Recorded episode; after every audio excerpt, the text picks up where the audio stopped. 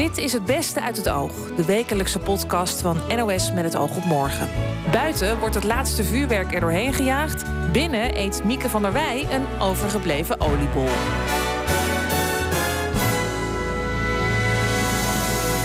Nou, een oliebol is het niet meer. Want die zijn volgens mij nu echt niet meer lekker op zaterdag 5 januari. Ligt hier wel een lekkere krentenbol naast me. Fijn dat u luistert naar deze nieuwe aflevering van Het Beste uit het Oog. Ja, de mooiste gesprekken van de afgelopen week zijn weer verzameld. En het oog haalde zowaar het wereldnieuws met een onthullende anekdote van astronaut André Kuipers. Ik heb zelfs een keer 911 in Amerika gebeld per ongeluk. Ook spraken wij over 800 babylijkjes die zijn begraven naast een Iers opvanghuis voor alleenstaande moeders en hun kinderen. Het leven was daar geen pretje. Ze werden op grote zalen, er uh, was geen individuele aandacht. Uh, kinderen werden eigenlijk gezien als, als, als uitschot. Eigenlijk. Ze, ook, ze werden slecht verzorgd over het algemeen. Je had natuurlijk ook vriendelijke nonnen bij zitten die wel degelijk moeite deden. Maar over het algemeen was de gedachte dat je niet emotionele binding moest hebben met die kinderen. Dat die kinderen het eigenlijk niet waard waren. Ze kregen weinig te eten. Dus ze moesten eigenlijk, werden constant gestraft voor hun bestaan. Dave van Raven van The Kick vertelde over zijn liefde voor Boudewijn de Groot. Zijn band gaat twee albums van Boudewijn de Groot live met orkest uitvoeren. Hoe dat klinkt? Je moet er uiteindelijk ook wel je eigen, je eigen ding mee doen, zoals ze dat dan zeggen. Dus we spelen het wel als The Kick. Maar eigenlijk gaan die plaatsen dat ze klinken hoe uh, ze hadden geklonken als wij ze hadden gemaakt in de jaren 60. Terug naar de jaarwisseling. Historicus Wim Willens en de Radio West-verslaggever Erik Kooijman legden uit waarom de traditionele vreugdevuren belangrijk zijn voor Scheveningen en Duindorp. Kooijman heeft zelf nog bovenop zo'n stapel pallets gestaan als ik zo aan terugdenk, want ik heb ongeveer een, een dag lang een beetje zo'n half trilling in mijn benen gehad nog. Gewoon aan de gedachte dat je daar bovenop stond. Het is bijna 40 meter, op zondagavond was dat. En uh, dan sta je eigenlijk, zeg maar, zoals die studio er bij jou uitziet, maar dan twee keer. En dan op 40 meter hoogte. En dan worden er op dat moment ook nog 25 pallets met een verrijker zo bovenop die stapel gestort. Dus dat gaat zo'n beetje deinen.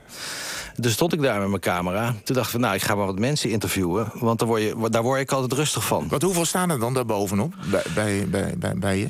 Er waren 19 man en één vrouw op het moment dat ik er bovenop stond. En hoe zijn die allemaal bovengekomen? Hoe, hoe ben jij bovengekomen bijvoorbeeld? Met een verrijker, dan hou je je goed vast en dan ga je omhoog. Die schuift zich steeds verder uit. En die verrijker die gaat dan over dat randje. En dan kan je uitstappen en dan sta je op de stapel. En dan gaat iedereen gaat een beetje heen en weer.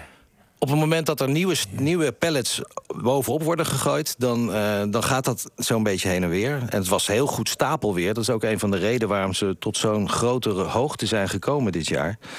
Uh, want het was uh, rustig weer, er was weinig wind, er was geen regen. Dus ze hebben ja, elke keer 24 uur door kunnen bouwen. En, en, en toen, toen was in de aanloop was er helemaal geen sprake van... nou, dit wordt gevaarlijk of het wordt te hoog. Of, dit was vooral lol hebben.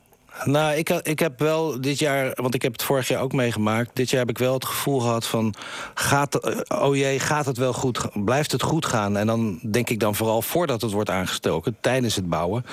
Want we hebben het nu, uh, of sommige mensen hebben het nu over een tragedie en een horror en een apocalyps, wat over een klein deel van Scheveningen is gegaan, die vuurregen. Maar op het moment dat er mensen naar beneden vallen die aan het bouwen zijn, dan, dan heb je echt een ramp. Weet je? Dan storten er gewoon twintig man neer naar beneden en die, die overleven het denk ik niet. Ja. Uh, meneer Willems, geniet u van die, van die vreugdevuren? Duindorp, Scheveningen? Het doet mij denken aan mijn jeugd. Ik groeide op in het Valkenboskwartier... op een uh, eerste etage, een hoekwoning. En daar hadden we op het uh, kruispunt ook een vreugdevuur. Dat was een stuk kleiner. En je zag dat in de loop van de jaren 50, 60 steeds ruiger worden. Er werden meubelen opgegooid, er werden autobanden opgegooid... er werden op een gegeven moment Solex en fietsen opgegooid... om maar het hoogste vuur te hebben dat je je maar kunt voorstellen. En u bleef veilig binnen? U, u gooide er helemaal niets op?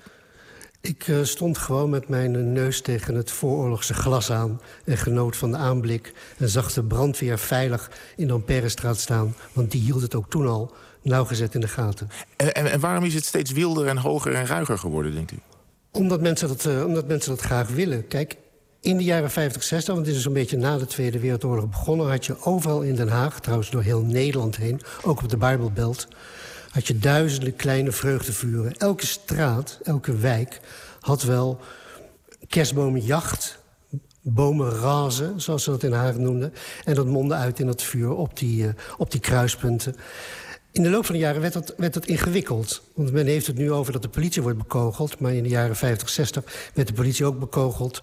Toen waren het nog flessen, later werden het molotov cocktails. Zelfs een keer een dode gevallen in de jaren 60. Hulpverleners werden bekogeld. Het werd zoiets van op Oudejaarsavond. Vergelijk het maar met carnaval als je wilt. Dan is de straat, dan is de stad van ons. En dan gaan we helemaal los. Dat is het idee. Even is het een asfaltjungle met talloze vreugdevuurtjes. Ja. En, en eh, er is geprobeerd om dat dan uh, wat de stad uit te krijgen... om dat het strand op te krijgen... om, om alle raddraaiers, hè, de, de, de, de fikkie-stokers daar hun zin te geven. Leg dan uit, als u wil, waar die rivaliteit tussen die twee plaatsen vandaan... Ja, wijken eigenlijk, Duindorp en Scheveningen. Nou, het zijn twee loten van dezelfde stam. Want de inwoners van Duindorp voor de Tweede Wereldoorlog... dat waren de mensen die uit Scheveningen kwamen. Die zaten in de vissersindustrie. Um, Scheveningen-dorp werd overbevolkt. De huizen waren slecht. Kortom, men moest weg. Men moest over het kanaal heen. Over, het, over de Jordaan noemde men dat, het afvoerkanaal. En daar werd een nieuw klein Scheveningen gebouwd... wat men Duindorp noemde. De andere kant van de haven ook eigenlijk, hè? Andere kant van de haven, maar men liep nog elke dag gewoon naar de overkant toe naar Scheveningen, want daar, daar werkten de mensen. De kerk was daar en het werk was daar. En dat verenigde de mensen. In de loop van de tijd is dat enigszins uit elkaar gegaan. Zeker vanaf de jaren 70, 80. Er ontstaan dan wijkidentiteiten, als je dat zo kan noemen. Die wijken veranderen, visserij verandert, ontkerkelijking. Maar toch die, die wijkidentiteit, het idee van ons Duindorpers en ons Scheveningers... dat gevoel blijft heel sterk. Ja. Meneer Kooijman, merkt u dat dan bovenop zo'n uh, pellethoop ook? Dat ze constant die duindorpers in de gaten houden? Ja, natuurlijk, want eh, de, de, de vraag die de hele tijd op de achtergrond speelt bij die jongens... die beginnen op tweede kerstdag om tien uur s'avonds heel gretig te stapelen. En dan zie je ook gewoon, dan, dan zijn ze er klaar voor en hebben ze er zin in. En het is echt wel fascinerend om te zien wat heel Duindorp is uitgelopen. Weet je, vrouwen, kinderen, kinderwagens. Dat is echt een groot familiegebeuren. En dan gaan ze doorstapelen. En dan, dan zie je ook, uh, ja, het is ook een soort reunie op grote hoogte. Iedereen komt veel bij elkaar, alle jongens zien elkaar weer. En er is er nog wel een verschil dat Duindorp is, omdat het een beetje een afgeschermd dorp is, echt een hechte gemeenschap. Die hebben 2 tot 300 man die ook meehelpen met het bouwen. Bij Scheveningen is dat wat anders, want er zijn binnen Scheveningen ook weer verschillende wijken. Dus die moeten steeds weer een ploeg zien te vinden die goed met elkaar kan samenwerken. En dat zijn maar een stuk of 60, 70 man. Ja, meneer Willems, hoe uitzicht die rivaliteit ook op, op andere gebieden? Ik ken ze niet. Alleen maar eigenlijk op Oudejaarsavond en natuurlijk de aanloop daar naartoe. Kijk, wat ik zo fascinerend vind, is de spanning. De spanning is aan de ene kant is natuurlijk de angst... en die is er al 50 jaar, 60 jaar... voordat het uit de hand gaat lopen. Want, want de jeugd slaat toe en denkt dat de wereld van hen is. En aan de andere kant zijn die, die mooie houten toren van Babel... torens van Babel... die die zijn een soort nationaal erfgoed geworden, cultureel erfgoed van de stad. Zowel van Den Haag als van, van Scheveningen. Ze vinden veel sponsors. Er komen buitenlandse toeristen op af. Het is een evenement. Dus het, het gaat voor hun gevoel ook behoren tot datgene... wat hun eigen zeg maar, wijkcultuur uitmaakt. En die spanning die loopt nu zo hoog op... omdat het heel erg gereguleerd is. En blijkbaar niet zodanig gereguleerd dat het niet uit de hand kan lopen. Hoewel ik ook moet denken aan 1974...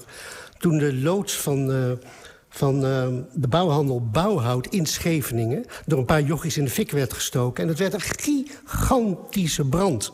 Echt een, een, een, deel van het dorp werd, werd zwart geblakerd wakker... de volgende dag op Nieuwjaarsdag. Dus het, het, is wel vaker gigantisch uit de klauwen gelopen. Hoe je dat in de hand moet houden... Ik wens de burgemeester en haar mensen sterkte. Ja, wat, wat, wat, wat zou een oplossing zijn, meneer Willems? Wat u zegt, ik wens de burgemeester veel succes, maar wat zou u doen? Nou, u moet in eerst niet vergeten dat wat er nu gebeurt... dat is redelijk uniek, dat het zo op die manier uit de hand loopt. in de jaren 60, 70 moest soms de ME uitrukken. Ik bedoel, als je, als, je, bekijkt hoeveel de politie in het verleden al niet aan zijn kop heeft gehad... in de laatste week naar Oudejaarsavond... dan is het nu eigenlijk redelijk rustig. Behalve dat ene gigantische incident. Dus als men dat weet te controleren... maar het is ook een beetje uiteindelijk politiepest. Het zijn ook jongeren, samen met, met de generatie boven hen... die op die avond denken, ja, die politie moet nou niet tegen ons zijn... want wij hebben de vrijheid. Het is een vrijheidsfeest naast een vreugdefeest. Hoe je dat moet beheersen, zou ik ook niet weten. Nederbeatgroep De Kik trapte deze week een speciale tournee af. Een eerbetoon aan Boudewijn de Groot. Tijdens die concerten spelen ze twee albums van de Groot in hun geheel. Voor de overlevenden en Picnic. Joost Vullings vroeg aan zanger Dave van Raven wanneer hij deze albums voor het eerst hoorde. Nou, ik denk uh, toen ik een jaar of 16 was. Dat, dat zal dan, ik ben zelf uit 81, uh, dus uh, dat zal dan in 97 geweest zijn, als ik even zo snel reken. Ja, dat was de tijd van de huismuziek. Ja, maar goed, met zijn muziek maakt het helemaal niet uit. Het, weet je wel, uit welke soort tijd het komt. je kiest gewoon wat het beste is, weet je wel. En dan heeft het eigenlijk niks meer met tijd. ik vind dat, dat sowieso dat zijn muziek niet weet je wel, aan tijd of aan een periode onderhevig is. Uh, je kiest gewoon wel, weet je, wat het allerbeste is. En het allerbeste is nou eenmaal gemaakt uh, dan wel weer in een bepaald decennium. In de jaren 60 namelijk. Ja, en wat, wat, wat pakt hij jou? Ja, dan zit je er toch weer aan vast, hè? Ja, wat pakt hij jou van die albums? Wat, wat is er zo goed aan? Nou ja, ik vind sowieso de combinatie van uh, ja, weet de teksten en uh, van Lennart Nijg natuurlijk, de teksten op deze platen.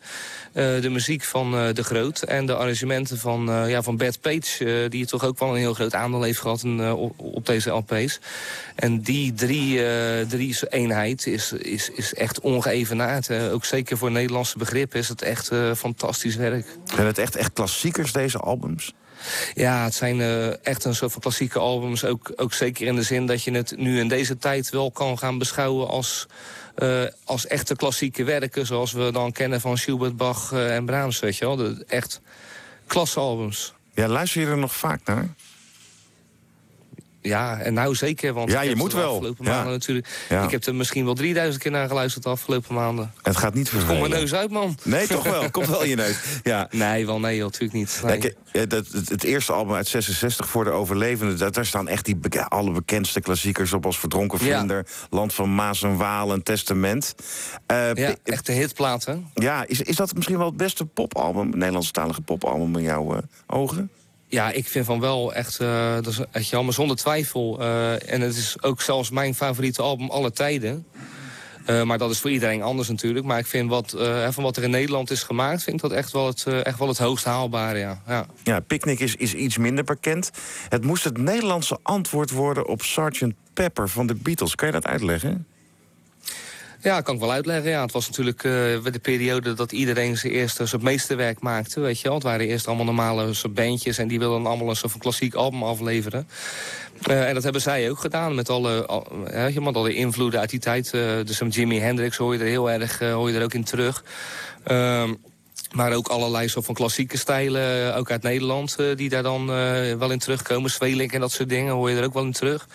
En ze eindigen ook uh, met een, ja, met een Sgt. Pepper akkoord. Hè, waar dan zeg maar, dat nummer Day in the Life mee eindigt van de Beatles. Dat laatste piano akkoord. Dat hoor je in, de, je, in, of in dat nummer Prikkenbeen die we net hoorden, hoor je dat ook. Alleen is dat dan iets minder goed gelukt met, uw, met uw welnemen. Maar ja, ja. Hè, het is toch net iets, ja, iets minder imposant dan op Sgt. Pepper. Maar het is al ja, heel goed geprobeerd. Het is een beetje polder-psychedelica eigenlijk. Ja, dat, en de hoes van Sgt. Pepper, dat album, is ook heel beroemd geworden. Dat is Picnic niet gelukt, geloof ik. Nee, maar uh, de hoes van Sgt. Pepper, uh, uh, de binnenkant zoals die aanvankelijk bedoeld is... is, door dezelfde, is door dezelfde kunstenaars gemaakt grappig, als waar ja. de hoes van Picnic ook voor gemaakt is. De, de ouders van Douwe Bob toevallig. Ja, kijk, jullie gaan dus nu die, die, die twee platen naspelen. Gaan jullie dat echt helemaal letterlijk doen? Dat je ook de stem van Boudewijn de Groot opzet... en zijn dictie en zijn timing? Is dat de bedoeling? Ja, nou, kijk, daar houden we wel rekening mee natuurlijk. En uh, ook sowieso de, alle mensen in het orkest... Uh, die spelen dezelfde instrumenten... als waar de platen de, ook destijds mee zijn ingespeeld. Uh, maar... Kijk, wij doen het wel op onze eigen manier, weet je wel. Het is natuurlijk wel, het is natuurlijk leuk om het allemaal gewoon dan na te zingen... en het dan ook gewoon één op één over te nemen.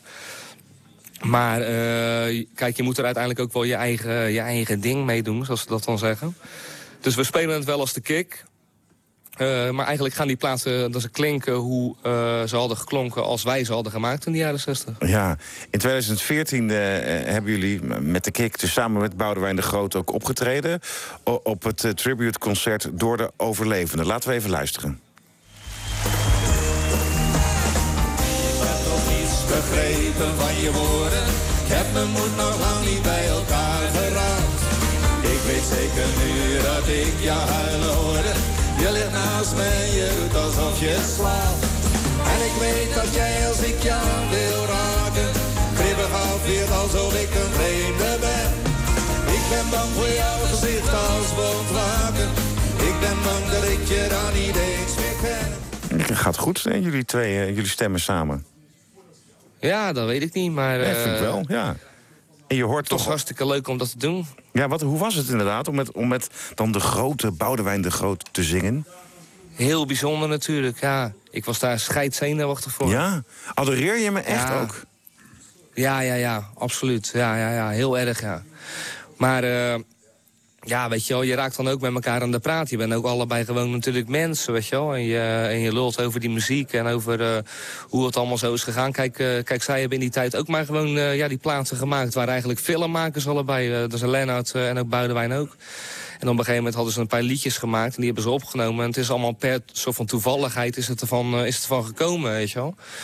Maar als je met elkaar aan het praten raakt, ja, dan ben je allebei mensen en je hebt het erover. En dat is hartstikke leuk. Maar het is nog steeds, als ik met hem aan tafel zit, is het nog steeds wel dat ik tegen Boudewijn de Groot, weet je wel. Ik bedoel, ja, het is toch gewoon een held en dat zal nooit anders worden. Als ik met Paul McCartney aan tafel zit, ja, dan kan ik nog zo leuk doen en een checkie gaan draaien. En, maar het is nog wel steeds Paul McCartney, weet je wel. Daar, ja. Ja. daar kom je niet vanaf uiteindelijk. Dus je blijft toch een beetje gewoon de kleine Dave die zenuwachtig is bij zijn grote Ja, natuurlijk, ontzettend. Elke Ja. keer weer. En hij zit ook zaterdag in het nieuwe Luxor eh, in de zaal.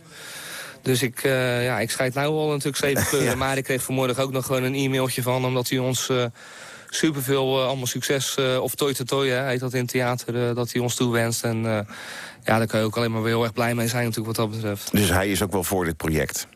Heel erg, ja. Ik heb het ook wel gelijk aan hem gevraagd hoor. Toen, toen we hier aan wilden beginnen of hij eh, ja, zijn goedkeuring gaf dat we dat dan mochten doen. En dat was gelijk oké, dus dat is ook heel fijn. Ja, dat is dat, ja, als de grote meester boos wordt, dat, dat wil je natuurlijk toch niet hebben. Dus dat is wel fijn inderdaad. Nee, dan komt eh, de hemel op je neer hè, uiteindelijk. Moet je Ja. niet hebben.